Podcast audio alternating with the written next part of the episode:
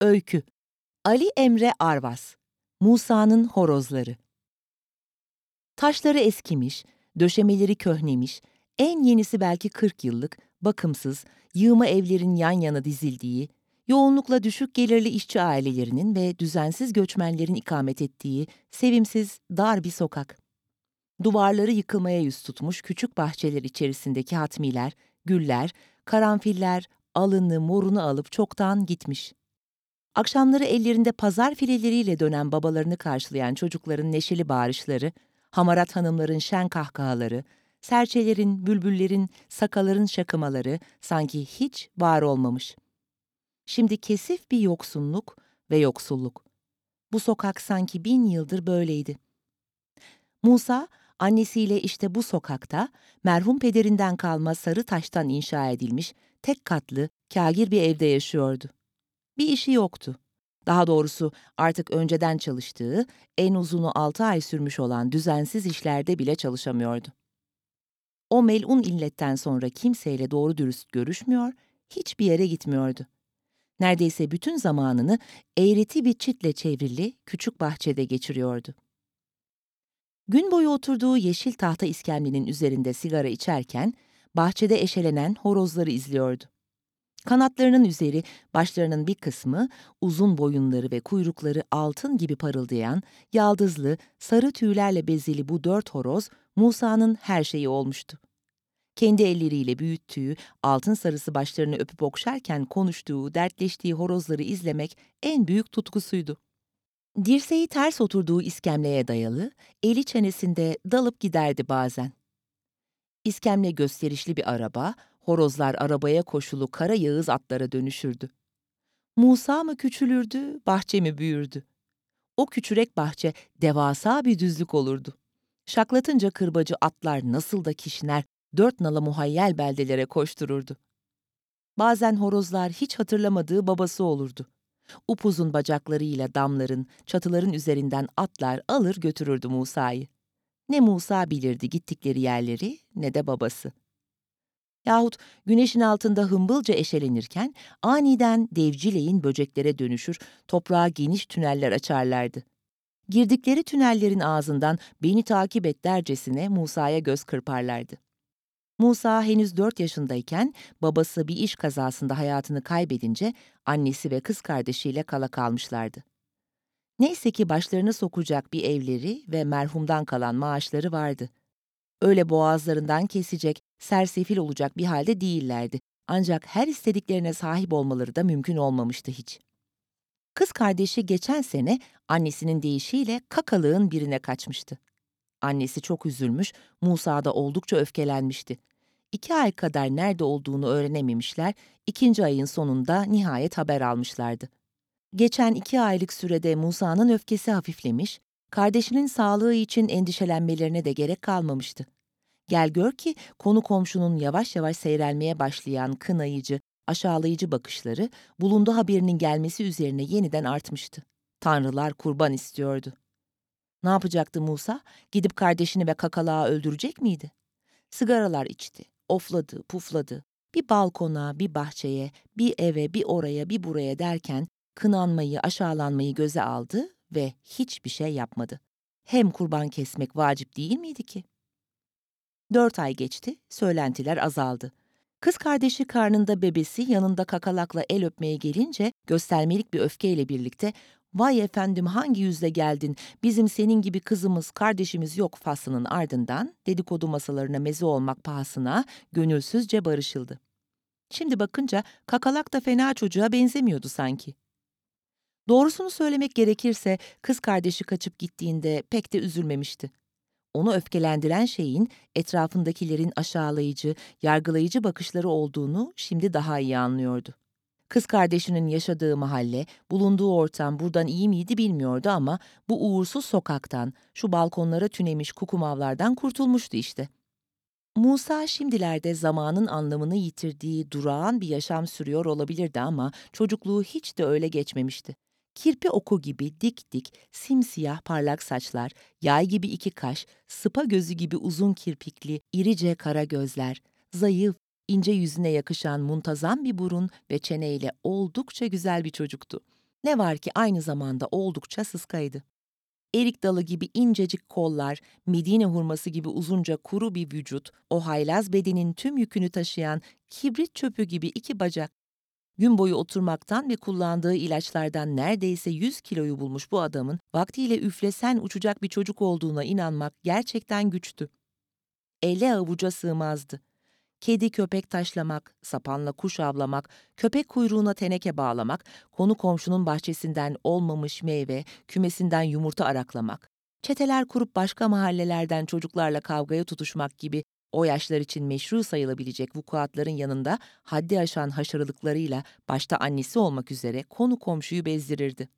Anasına sorsan okuyacaktı Musa, memur olacaktı. Katip olup kolalı gömlekler giyecekti. Koluna taktığı şemsiyesini açtığında sadece yağmurdan değil, her türlü kötülükten, kem gözden, nazardan, fukaralıktan, eşkıyalıktan, düzenbazlıktan hem kendini hem onları koruyacaktı. Orta mektebi gücün bitirdi. Kimden öğrendiği, nereden duyduysa dalgıç olmak istediğini söyledi bir gün. Güneydeki kentlerden birine gidecek, dalgıç olacaktı. Bu fikre nasıl kapıldı bilinmez ama mantıklı bulunmayacağı belliydi. Başta anası olmak üzere etrafındaki herkes gördüğü en büyük su birikintisi belediye parkındaki eğreti havuz olan bu delişmen çocuğun hayalini boğmakta zorlanmadı. Bu ilk hayal kırıklığı değildi tabii. Ardından İstanbul'a gitmek istedi. Jonglör olacak, sirklerde çalışacaktı. Bak bak bak. Tedirgin oldular tabii. O ne dediler. Bir maymunun ilk kez karşılaştığı bir nesne gibi önce parmaklarıyla dürttüler, tereddütle ucundan tutup çevirdiler, incelediler. Sonra hırsla yere atıp çığlıklar atarak üzerinde tepindiler. Ezdiler, ezdiler ve onu da hayaller mezbeleliğine gönderdiler. Bu böylece sürüp gitti. Bir yanda hayali Musa Efendi'nin ansiklopedilerden, belgesellerden, bilinmez diyarlardan getirip hesapsızca Musa'nın sırtına yüklediği hayaller, öte yanda Musa'nın attığı her adımı sorgulayan, eleştiren, getirip önlerine yığdığı hayalleri gülünç ve anlamsız bulup reddeden Kukumav heyeti. Önerdiği her şey reddedilen, attığı her adım sorgulanan, kurduğu her hayal yıkılan bu adam, sürekli tosladığı bu duvar karşısında öfkelenmeye başlamıştı. Dibinde kimi çürümüş, kimi kurumuş, darmadağın umutlar, hayaller, arayışlar, özdeyişler yığılı, milyonlarca baykuş kafasının ustaca dizilmesi suretiyle inşa edilmiş bu muhkem duvar hangi mimarın eseriydi? Duvarı yıkacak gücü yoktu. Üzerinden atlayacak becerisi de onu dönüştürecek birikimi de. O halde kendini duvara ispat etmeliydi. Etrafındakilerin saygı duyduğu, hürmet ettiği, bir çeker gibi her sohbette adlarını zikrettiği kimseler hep varlıklı insanlar değil miydi? O halde o da varlıklı bir adam olmalıydı. Böylece lakırdıdan ibaret de olsa söyledikleri dinlenir, ham hayalleri takdire şayan bulunurdu herhalde. Evet, kesinlikle varlıklı bir adam olmalıydı. Peki ama nasıl? İnsanlığın 10 bin yıllık kadim bilgisini, tecrübesini göz ardı etmeyerek Musa da öncülleri gibi altına yöneldi. Varlıklı, güçlü bir adam olmanın en kolay yolu çil çil sarı altına sahip olmaktan geçiyordu. Bunun en kolay yolu da bir gömü bulmaktı tabii. Hemen işe koyuldu. Yaşadığı bölge eski bir yerleşim yeriydi. Haliyle define işleriyle ilgilenen kişi sayısı hiç de az değildi. Musa öncelikle bu işin ilmini tahsil edeceği bir üstad aradı. Onun rahle-i tedrisinden geçecek, icazet alacak, ardından kim tarafından korunuyorsa korunsun, nerede saklanıyorsa saklansın, o hazineyi bulacaktı. Tabii ki böyle bir üstad bulamadı. Ancak defineci kahvelerinde kendisi gibi bu işe hevesli birçok kimseyle tanıştı. Cinci hocalarla saatlerce görüştü. Çeşit çeşit büyü, efsun, türlü türlü ritüel öğrendi. Romalılara, Ermenilere, Rumlara, bu topraklarda yaşamış diğer eski halklara, cinlere, Hazreti Süleyman'a, Hızır Aleyhisselam'a dair envai türlü hikayenin ortasında buldu kendini. Öyle bir hayretle ve öğrenme tutkusuyla doluydu ki yaşamla ölümün, hayalle gerçeğin, doğruyla yanlışın, siyahla beyazın sarmallar oluşturarak iç içe geçtiği tüm o hikayeleri şevkle dinledi. Kendinden geçti, hızlı manevralarla havada pikeler yapan bir kırlangıca dönüştü. Mücerret bir zamanın ve mekanın içerisinde hızla yolculuk ederken havada uçuşan her kelimeyi, her heceyi, her sesi yakaladı. Tüm bu ezoterik ilmin yanında pozitif bilimi de ihmal etmedi tabii. Orada burada günlük yevmiye karşılığı çalışarak biriktirdiği parayı ikinci el bir metal dedektörüne yatırdı. Elbette ki yeni meşgalesi de anlayışla karşılanmadı. Evvela nasihat edildi, kimilerince alaya alındı, yargılandı, aşağılandı ama asla pes etmedi. Hırsı tanrısal bir öfkeydi artık. Tüm o yargılayıcıları önünde secde ettirmek adına avucuna alması gerektiğini düşündüğü altına olan sevdası delice bir saplantı haline dönüşmüştü. Bu asla onların suratına çarpacağı bir duygu değil, bütünüyle kendi içinde yaşadığı bir hezeyandı. Bir gece rüyasında palalarla, mızraklarla, kılıçlarla, baltalarla üzerine saldıran kalabalık bir ordunun karşısında kendisini altından bir zırh kuşanmış olarak görmüştü. Ayakları iki yana açık vaziyette, kolları göğsünde bağlı, yüzünde müstehsi bir gülümsemeyle öylece kalabalığın üzerine gelmesini bekliyordu. Zırhından yayılan parlaklık, baykuş ünlemesi gibi sesler çıkararak üzerine saldıran kalabalığın gözlerini kamaştırıyor, yaklaştıkça sesleri artacak yerde gitgide azalıyor, uysallaşıyordu. Kalabalıkla arasındaki mesafe kapandığında karşısında amacını çoktan yitirmiş bir kitle vardı. Büyülenmiş bir halde Musa'ya bakıyorlardı. Kısa bir sessizliğin ardından şuursuzca yere kapaklanmaya başladılar.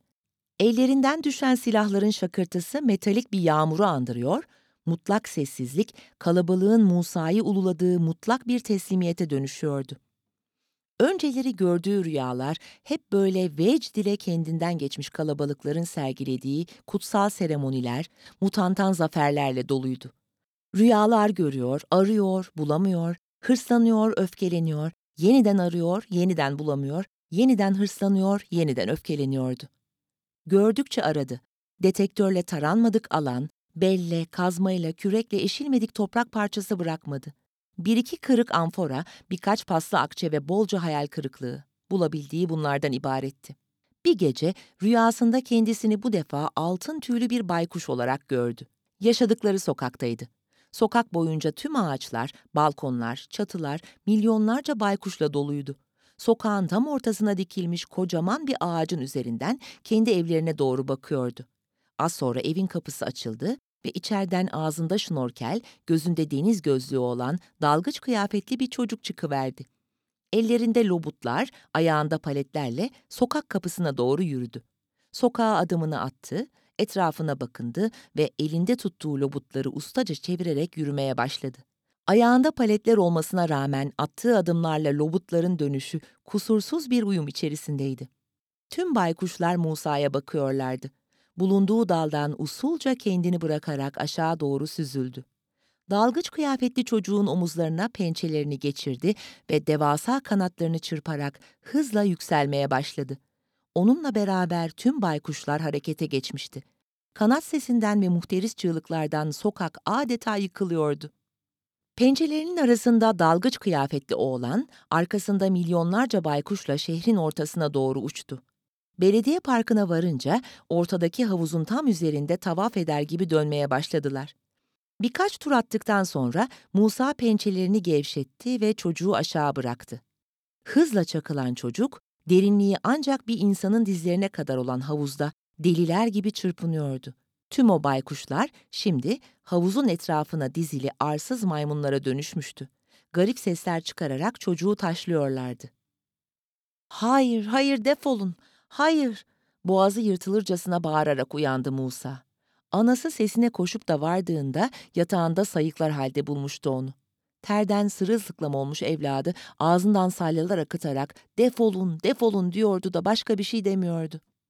Sonraki günlerde de bu kabuslar, sayıklamalar devam etti. Musa kötüledikçe anası üfürükçülere, büyücülere koştu. Hepsi ağız birliği etmişçesine aynı şeyi söyledi. Cin musallatı. Muskalar, büyüler, tütsüler fayda etmedi. Musa bir deli oğlan oldu. Kara haber tez duyuldu. Her sohbetin, her toplantının konusu Musa olmuştu. Beş harfliler bıkıp usanmadan üç harfli musallatını konuşuyordu. Tabii olacağı buydu. Üç harfliler uğramıştı işte. Defineyle uğraşanın hali ne olacaktı ki? Yazık, yazık. İflah olmaz artık bu. Ama zaten işe yaramazın tekiydi. Haytalığın, soytarılığın sonu bu işte. Didik didik ettiler, günlerce yediler Musa'nın etini. Musa canının derdine düşmüş çırpınıyordu. Ne evlerine yönelmiş kınayıcı bakışları görüyor, ne söylenenleri duyuyordu ama boğulurken üzerine atılan her taşı duyumsuyor, acısını hissediyordu. Neyse ki amcası akıl etti de Musa'yı bir doktora götürdü. Doktor hanım konuştu, dinledi, inceledi, anladı. Bir torba dolusu ilaç ve latince terimlerle dolu bir raporla gerisin geri eve yolladı. Aradan uzunca bir zaman geçmiş, ilaçlar işe yaramıştı. Musa sakinleşmiş, yüzünde pek de tekin olmayan bir huzur hali zuhur etmişti. Şimdi tüm gününü bahçedeki yeşil tahta iskemlenin üzerinde sigara içerek geçiriyordu. Kucağına aldığı horozların altın sarısı başlarını öpüp okşarken gözleri uzak bir noktaya dalmış, bulacağım, mutlaka bulacağım diye kulaklarına fısıldıyordu. Ali Emre Arvas